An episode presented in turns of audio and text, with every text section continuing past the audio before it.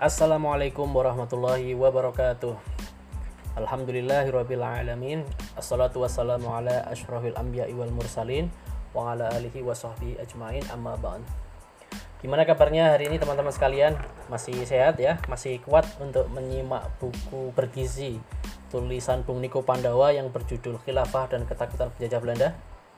Oke, insya Allah masih siap ya Jadi selama sisa hari beberapa hari ke depan kita akan membahas atau membacakan buku yang ditulis oleh Bung Niko Pandawa ini. Oke, pertemuan kemarin kita sudah membaca kata pengantar penulis ya. Intinya adalah bahwa penulis ingin menunjukkan kepada kita bahwa buku ini ya, buku khilafah dan ketakutan penjajah Belanda ini ingin ngulik-ngulik gitu ya, ingin membuka-buka kembali bagaimana catatan-catatan sejarah tentang bahwa negeri itu ini dulu pernah menjadi salah satu bagian dari yang memperjuangkan kekhilafahan Islam. Jadi kalau sekarang ada yang mempersoalkan, ada yang mendiskreditkan perjuangan kembali untuk mengembalikan kekhilafahan Islam, Nah, itu tentu saja adalah perbuatan yang ahistoris ya karena faktanya umat Islam di masa yang dulu di Hindia Belanda dulu sekarang Indonesia itu pernah menjadi bagian yang berusaha untuk mengembalikan kekhilafahan Islam. Oke, um, yang berikutnya jadi teman-teman buku ini itu kan ada tujuh bab ya cukup tebal. Nah uh, tentu nggak sabar ya. Teman-teman nggak sabar nih membaca kalau langsung wah dalam sehari 437 halaman. Wah bisa kemeng gitu ya. Nah makanya pada kesempatan pertemuan yang kali ini saya ingin langsung pada bab kesimpulan. Nah biasanya kan teman-teman pengen tahu nih sebenarnya inti dari buku yang ditulis oleh Bang Niko ini apa sih inti dari buku khilafah dan ketakutan penjajah Belanda itu apa sih intinya ya? Intinya itu apa? Nah maka untuk menjawab rasa penasaran ini adalah saya akan bacakan langsung di bab kesimpulan. Di mana nanti ketika teman-teman tahu isi dari bab kesimpulan ini paling tidak ketika membaca buku tebal ini nanti teman-teman akan mendap sebelumnya akan mendapatkan kerangka besar. Sebelum uh, mendalami lebih lebih detail satu persatu.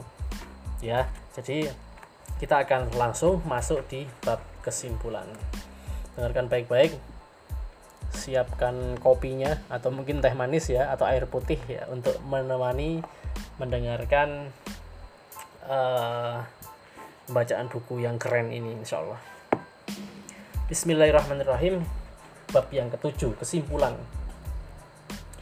Merenggangnya hubungan antara khilafah Utsmaniyah dan kaum muslim di Hindia Belanda dilandasi oleh berbagai faktor internal dan eksternal, baik di lingkup Utsmaniyah sebagai patron maupun muslim di Hindia Belanda sebagai klien. Dalam lingkup khilafah Utsmaniyah, faktor eksternal yang menyebabkan ia mulai kehilangan performanya sebagai pelindung kaum muslim sedunia ialah ketika bangsa Eropa terus menggempurnya dengan kekuatan militer.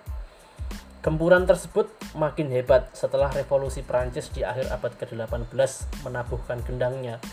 Sebuah isyarat dimulainya era modern yang dibangun atas asas sekularisme khas Eropa. Di saat yang bersamaan, internal khilafah Utsmaniyah yang sudah melemah secara pemikiran ikut menari-nari dengan irama gendang revolusi Prancis. Hal ini memang menimbulkan pro kontra di internal kaum muslim Timur Tengah. Namun pihak yang berkuasa di Istanbul cenderung memilih untuk mengikuti jalan Eropa demi menggapai kemajuan modern. Uh, ya teman-teman saya potong sampai sini intinya adalah ini adalah masa-masa kemunduran uh, khilafah Utsmaniyah ya teman-teman ketika membaca kitab Daulah Islamiyah atau kitab uh, Mafahim itu akan dijelaskan ya eh, faktor-faktor kemunduran umat Islam termasuk bagaimana uh, kekhilafahan yang terakhir ini Utsmaniyah itu mengalami kemunduran. Lebih detail lagi sebenarnya teman-teman bisa membaca kitab yang ditulis oleh Syekh Abdul Qadim Salum ya, Kaifahudimat Al-Khilafah. Jadi diterjemahkan oleh penerbit penerbit Al-Azhar itu dengan judul eh, detik-detik runtuhnya khilafah gitu ya. Oke, kita lanjut. Secara resmi, khilafah Utsmaniyah mengadopsi cara barat untuk bernegara setelah kebijakan Tanzimat dimulai oleh Sultan Abdul Majid pertama pada paruh pertama abad ke-19. Tidak hanya di aspek politik dalam negeri, kebijakan politik luar negerinya pun juga mengikuti barat, yakni ketika Utsmaniyah bergabung dalam keluarga Eropa atau Family Europene pasca perjanjian Paris tahun 1856. Setelah bergabung dengan keluarga Eropa, Khilafah Utsmaniyah mengadopsi hukum internasional seraya meninggalkan Islam sebagai dasar hubungan luar negerinya. Selama Khilafah Utsmaniyah menjalankan tanzimat, negara-negara Eropa mengencarkan ekspansi militernya ke negeri-negeri Timur Tengah, sebagaimana yang ditandaskan oleh Syekh Syamit Atif Az-Zain dalam teori konstelasi internasionalnya. Negara-negara penjajah Eropa tidak hanya menggunakan cara-cara militeristik namun juga menyebarkan pemikiran barat di kalangan kaum muslim untuk mengukuhkan kedudukannya. Hal ini dilakukan secara besar-besaran, baik itu di dunia Arab yang diduduki Inggris dan Prancis maupun Hindia Timur yang diduduki oleh Belanda. Jadi teman-teman, Hindia Timur itu untuk menyebut Jawa atau Hindia Belanda atau Indonesia hari ini ya. Pemikiran barat yang paling gencar disebarkan mereka demi melawan khilafah Utsmaniyah adalah nasionalisme yang ditujukan untuk memecah belah kesatuan khilafah dan melemahkan internal kaum muslim di Timur Tengah. Jarak yang begitu jauh dari Istanbul membuat wilayah Asia Tenggara cukup terlupakan oleh para khalifah Utsmaniyah yang disibukkan oleh prahara internal di tengah di Timur Tengah. Apalagi selama era Tanzimat berlangsung. Namun semua itu berubah semenjak Sultan Abdul Hamid yang kedua naik ke tampuk kekuasaan pada tahun 1876. Ia mengakhiri era Tanzimat dan memulai kebijakan pan-islamisme atau Ittihad al-Islam untuk menyatukan kembali kaum muslim global yang sudah terlanjur tercerai-berai akibat penjajahan bangsa Eropa. Jadi teman-teman, kalau teman-teman mendengar istilah pan-islamisme, sebenarnya ini pertama kali digagas oleh Sultan Abdul Hamid yang kedua yakni dalam rangka untuk menyatukan dunia Islam di bawah kekhilafahan pada waktu itu adalah kekhilafahan Utsmaniyah. Tapi ini nanti akan agak berbeda teman-teman dengan pan-islamisme yang digagas oleh Jamaluddin Al-Afghani. Ya, ini berbeda. Bedanya di mana? Kita lanjutkan. Kaum muslim di Hindia Belanda juga tidak terlupakan sebagai objek kebijakan pan-islamisme Sultan Abdul Hamid II Hal ini ditandai dengan dibukanya kantor konsulat Khilafah Utsmaniyah di Batavia atau Jakarta hari ini pada tahun 1882. Disertai dengan berbagai bantuan keagamaan dan pendidikan kepada rakyat muslim Hindia Belanda.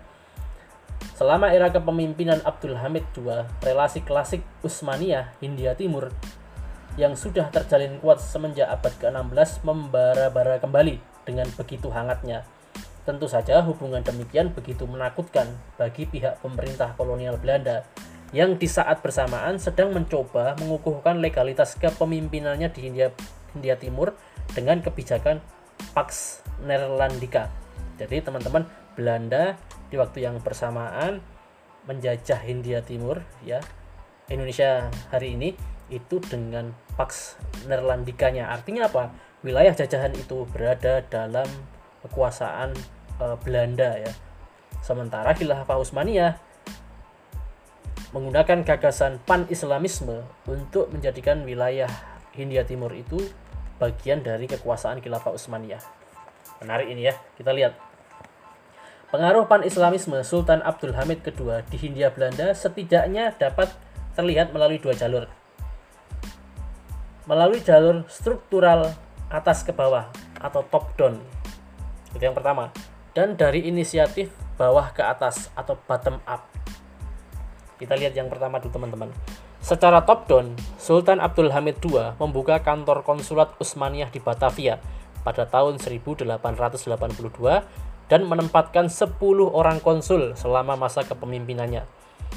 Tugas resmi para konsul memang hanya sekedar mengurus masalah administratif warga negara Utsmaniyah yang ada di Hindia Belanda.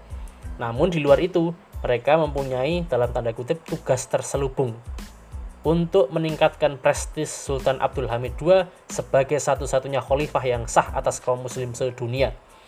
Ini terlihat dari aktivitas mereka yang mencoba meningkatkan rasa keterikatan kaum muslim di Hindia Belanda dengan khilafah Utsmaniyah melalui penyebaran Al-Quran dan kitab-kitab keagamaan, pendirian dan sumbangan untuk ritus-ritus keagamaan yang ada di Jawa, dan penyebutan nama Sultan Abdul Hamid II dalam khutbah-khutbah Jumat yang mereka lakukan.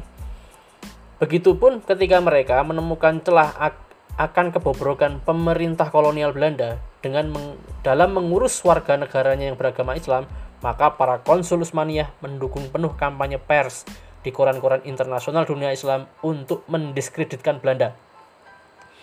Memang para konsul Utsmaniyah itu tidak bisa dipukul rata bahwa mereka memiliki semangat pan-islamisme yang sama karena beberapa dari mereka seperti Veliudin Semsi Bey dan Emin Bey tampak tak terlalu antusias dengan pan-islamisme. Namun begitu, kita juga melihat bahwa konsul-konsul seperti Mehmet Kamil Bey dan Ahmed Rasim Ahmed Rasim Bey yang terlalu bersemangat menggelorakan pan-islamisme dan mendiskreditkan Belanda justru mengalami pemecatan oleh Sultan Abdul Hamid II yang menurut per, e, untuk menuruti permintaan dan hak atau Belanda. Dari sini terlihat bahwa Khalifah Utsmaniyah cukup berhati-hati dan tidak ingin pan-islamisme yang ia gencarkan berkembang secara berlebihan sampai dalam batas yang tidak mampu ia kendalikan. Itu top down teman-teman. Jadi memang Utsmaniyah, Khilafah Utsmaniyah itu mendirikan konsulat di Belanda secara resmi tahun 1882 dan menempatkan 10 konsul uh, selama masa kepemimpinannya. Nah, yang kedua adalah hubungannya itu uh, bottom up ya dari rakyat di Hindia Belanda di Indonesia hari ini dengan khilafah Utsmaniyah ya, secara bottom up banyak ekspresi yang diungkapkan rakyat muslim di Hindia Belanda mulai dari Aceh, Jambi, Palembang, Jawa, Borneo sampai ke Sulawesi akan pandangan positif dan kesetiaan mereka terhadap khilafah Utsmaniyah. Sebagaimana yang dicatat oleh para konsul Utsmaniyah di Batavia dan pejabat-pejabat kolonial. Bahkan disebutkan ada sekitar 35.000 orang warga Hindia Belanda yang ingin berpindah ke warga negaraan menjadi warga khilafah Utsmaniyah. Landasan loyalitas mereka kepada kuasa Utsmaniyah banyak diungkapkan sebagai bentuk dari keterikatan karena agama. Irtibati diniye. Ini menunjukkan bahwa doktrin Islam yang mewajibkan adanya satu pemimpin tunggal bagi kaum muslim sedunia secara umum dipahami dengan baik oleh rakyat muslim Hindia Belanda dengan khilafah Utsmaniyah sebagai representatif satu kepemimpinan global umat Islam saat itu. Walaupun demikian, seorang Sultan Abdul Hamid II pun tidak dapat lepas dari pengaruh hukum internasional yang dianut yang sudah dianut khilafah Utsmaniyah semenjak era Tanzimat Itulah mengapa Abdul Hamid tidak dapat berbuat banyak tatkala surat-surat permohonan bantuan militer dari sultan-sultan di Hindia Timur membanjiri ruangnya di Istana Yildiz. Hukum internasional yang tidak memperkenankan intervensi urusan dalam negeri suatu negara dijadikan senjata politis pemerintah kolonial Belanda untuk mencegah Abdul Hamid mengirimkan bantuan militer. Paling-paling yang dapat dilakukan Istanbul dan konsul-konsulnya di Batavia hanyalah menyuarakan opini anti Belanda di pers-pers Timur Tengah. Kasus Abdullah Yusuf Pasha, tentara resmi khilafah yang dikirim Sultan Abdul Hamid ke Jambi dan beberapa instruktur militer Utsmaniyah di Bone merupakan sebuah pengecualian. Wah, luar biasa nih teman-teman ya. Jadi uh, walaupun kecil ya, yakni di Jambi dan di Bone ternyata Sultan Abdul Hamid dari Khilafah Utsmaniyah itu pernah mengirim utusan namanya Abdullah Yusuf Pasha bahkan beberapa instruktur militer ya dikirimkan ke Jambi dan Bone Masya Allah luar biasa itu pun dilakukan secara diam-diam dan pengiriman hanya beberapa orang tentara tentu tidak dapat menimbulkan efek yang signifikan bagi rakyat Hindia yang melakukan perlawanan kepada pemerintah kolonial Belanda. Internal rakyat Hindia Belanda atau Indonesia hari ini sendiri sudah mulai tergoyahkan kesetiaannya kepada khalifah di Istanbul semenjak pemerintah kolonial Belanda menanamkan ide nasionalisme dalam kebijakan politik etisnya. Jadi begini teman-teman, uh, selain melakukan penjajahan secara fisik ya dengan 3G itu ya, God Glory dan Gospel, ternyata politik luar negeri penjajahan Belanda itu juga menggunakan politik etis. Apa sih sebenarnya politik etis? Politik etis itu adalah mendidik rakyat pribumi, yakni di Hindia Belanda, di Indonesia hari ini dengan pemikiran-pemikiran mereka sehingga apa? Sehingga mereka itu terasosiasikan atau menggambarkan diri sebagai bagian dari para penjajah dalam hal ini adalah Belanda. Nah, itulah apa yang terjadi beberapa anak-anak pribumi kemudian disekolahkan ke Belanda ya mereka belajar di Belanda mereka menyerap ide nasionalisme termasuk tentang konsep kemerdekaan Nah, konsep kemerdekaan di sini berada di luar pengaruh agama. Artinya apa? Mereka merujuk konsep kemerdekaan itu dari negara-negara Eropa. Walaupun notabene mereka itu beragama Islam. Nah, menarik ini, kita lanjutkan. Ide nasionalisme yang ditanam penjajah Belanda ini mencetuskan bahwa loyalitas tertinggi seorang individu adalah tanah air tempatnya tanah air tempatnya tinggal beserta pihak yang menguasainya bukan penguasa muslim yang tinggal sangat jauh di Istanbul.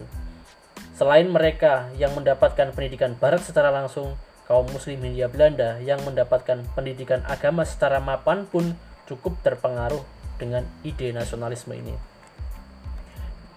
Memang penerimaan mereka terhadap nasionalisme tidak didapat dari pendidikan politik etis Belanda, melainkan didapat dari para modernis Islam di Mesir termasuk Jamaluddin Al-Afghani dan murid-muridnya.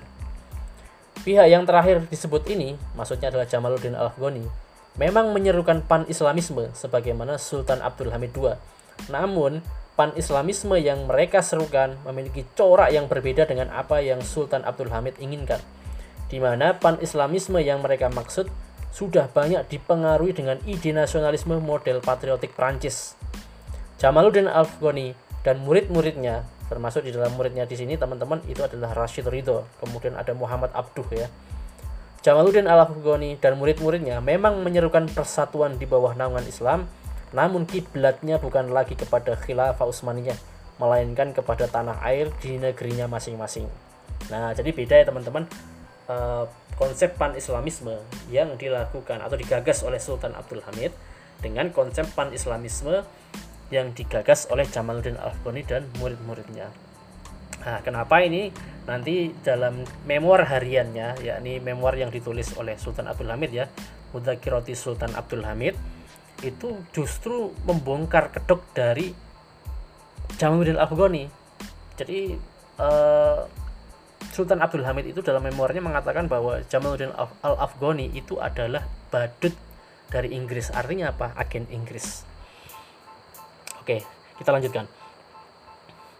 Dalam sekali waktu, Khilafah Utsmaniyah berhasil mendobrak konsepsi hukum internasional ketika mereka terjun dalam Perang Dunia Pertama. Seruan Istanbul Berlin untuk berjihad diterima sangat antusias oleh sebagian kaum muslim di Hindia Belanda dengan beberapa pemberontakan bersenjata yang sangat bersifat pan-islamisme di beberapa daerah seperti Sulawesi, Borneo, Jambi, Batavia, dan lain-lain. Namun karena pihak yang berkuasa di Istanbul sendiri adalah kaum Turki muda yang nasionalis, kebarat-baratan, dan sangat bertolak belakang dengan Sultan Abdul Hamid II, ditambah sikap Belanda yang netral dalam Perang Dunia Pertama, membuat wilayah Hindia Belanda tidak terlalu bergejolak dengan semangat jihad fisik yang dilancurkan dipancarkan Istanbul Berlin. Pergolakan di fase ini justru didominasi oleh perjuangan nasionalisme, baik bercorak religius maupun sekuler, yang digelorakan berbagai gerakan seperti Syarikat Islam maupun PKI. Memang, Syarikat Islam cukup frontal dalam dukungannya kepada Khilafah Utsmaniyah selama Perang Dunia Pertama. Namun, dukungan tersebut hanya bersifat moral belaka. Secara politis, apa yang diperjuangkan Syarikat Islam selama dekade kedua abad ke-20 bukanlah untuk menyatukan kembali rakyat Hindia Belanda kepada kepemimpinan Utsmaniyah, melainkan untuk memperjuangkan kedaulatan nasional rakyat Hindia Belanda dalam bentuk Zelbestur atau kepemimpinan berdikari bangsa Hindia. Runtuhnya Khilafah Utsmaniyah pada 3 Maret 1924 memunculkan kembali semangat untuk mendirikan khilafah oleh kaum muslim global, termasuk di Hindia Belanda. Namun, karena hambatan negara-negara kolonial seperti Inggris dan Prancis untuk mencegah kembali pendirian khilafah dengan memanfaatkan penguasa-penguasa kaki tangannya di Timur Tengah menyebabkan perjuangan tersebut menjadi buyar dan tidak membuahkan hasil. Karena tidak menemukan solusi atas kesulitan tersebut, kaum muslim Hindia Belanda menyerah untuk mendirikan kembali khilafah dan akhirnya berpaling kepada nasionalisme Indonesia sebagai perjuangan darurat yang dirasa lebih realistis. Pemikiran perjuangan darurat ini lagi-lagi tidak bisa dilepaskan dari pemikiran murid-murid Al-Afghani, terutama Muhammad Rashid Ridho, yang memiliki banyak pengikut di Hindia Belanda.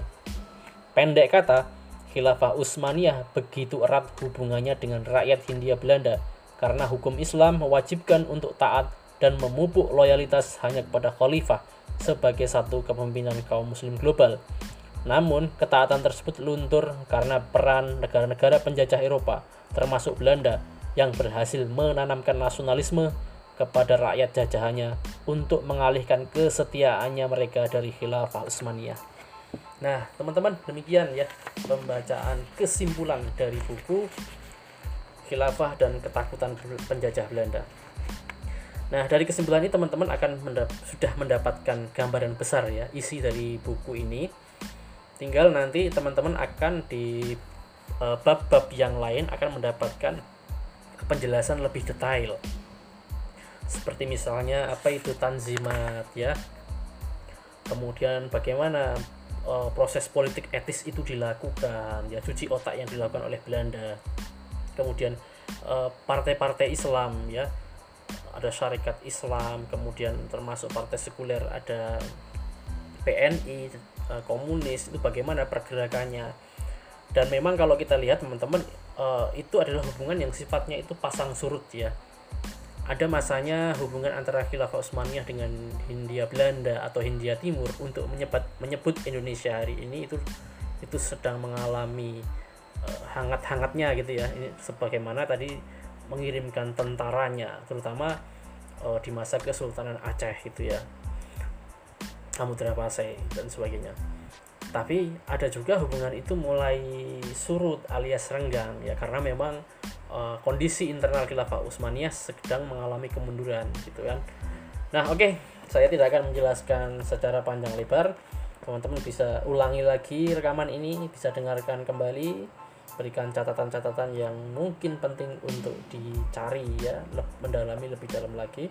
Dan insya Allah kita akan dalami lagi di pertemuan-pertemuan yang berikutnya. Tetap stay tune teman-teman sekalian bersama saya Pristian Surno Putro. Insya Allah. Assalamualaikum warahmatullahi wabarakatuh.